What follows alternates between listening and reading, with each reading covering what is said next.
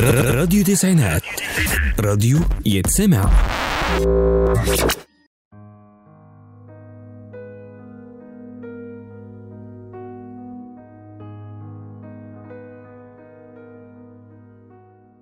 يا مساء الفل على كل متابعين ومستمعين راديو تسعينات. معاكم بسنت عادل وحلقة جديدة من برنامجكم black hole حلقتنا النهاردة بعنوان ضوء الليزر. حابة أسألكم سؤال. هل كل اللي بيسمعوني دلوقتي محددين هدفهم إيه في الحياة؟ طيب هل تركيزهم على الهدف ده قوي جدا؟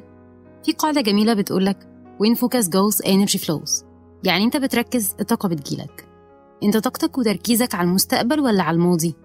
ما ينفعش تكون مضيعها في ندم على حاجة فاتت طيب هل لسه عندك طاقة تكمل حياتك؟ توصل لأهدافك اللي بتحلم بيها؟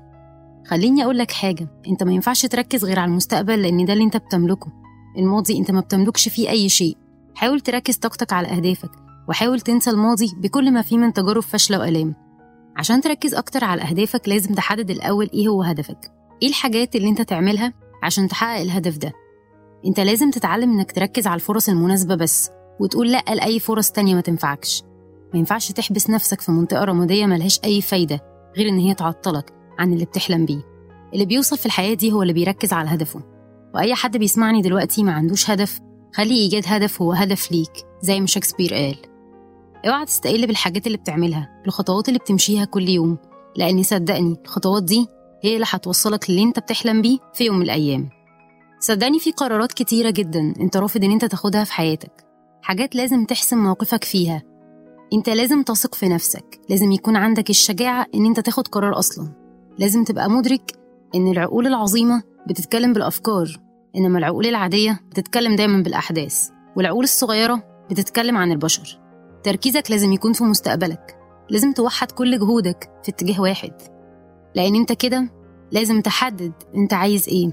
لازم تحدد أنت عايز توصل لإيه. لازم تشوف الدايرة بتاعتك والمحيط بتاعك كويس جدا. أنت قاعد مع مين وبتتكلم مع مين؟ لأن محيطك هو أفكارك باختصار.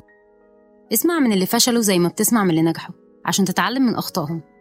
افتكر إن أول طريقة إنك تكون أفضل نسخة من نفسك إنك تتحدى النسخة القديمة من نفسك في كل يوم. اتعلم تقول لأ لما تبقى مش قادر تعمل حاجة لحد. دايما اطلب من نفسك أكتر. تعرف إنك بتاخد قرارات مصيرية كل يوم من غير ما تفكر؟ آه ودي حاجة بتأثر عليك وعلى بتخطط له دايما. شركة نايكي كانت عاملة track للجري. ال track ده المفروض إن أنت بتجري فيه وجنبك شاشة. الشاشة دي جنبها ضلك الفكرة باختصار إن المفروض إن أنت عمال تجري في ال track ده طول الوقت. لحد ما بيجي عليك لحظة أنت بتقف. إنما الظل بتاعك ما بيقفش. وهي دي الفكرة. ده اللي أنت لازم تعمله في حياتك. أنت لازم تقف تشوف أنت وصلت لحد فين. بس ما تبطلش جري ما تبطلش سعي. تشوف أنت محتاج إيه محتاج تركز على إيه. إيه اللي أنت أنجزته السنة دي؟ هل أنت لسه واقف مكانك زي ما أنت؟ هل أنت دايما في نفس المكان ما بتغيروش؟ انت لازم تتحدى نفسك لازم تستفزها لأن بكده انت صدقني هتطلع أجمل ما فيها. اوعى تسمع لغيرك ابدا.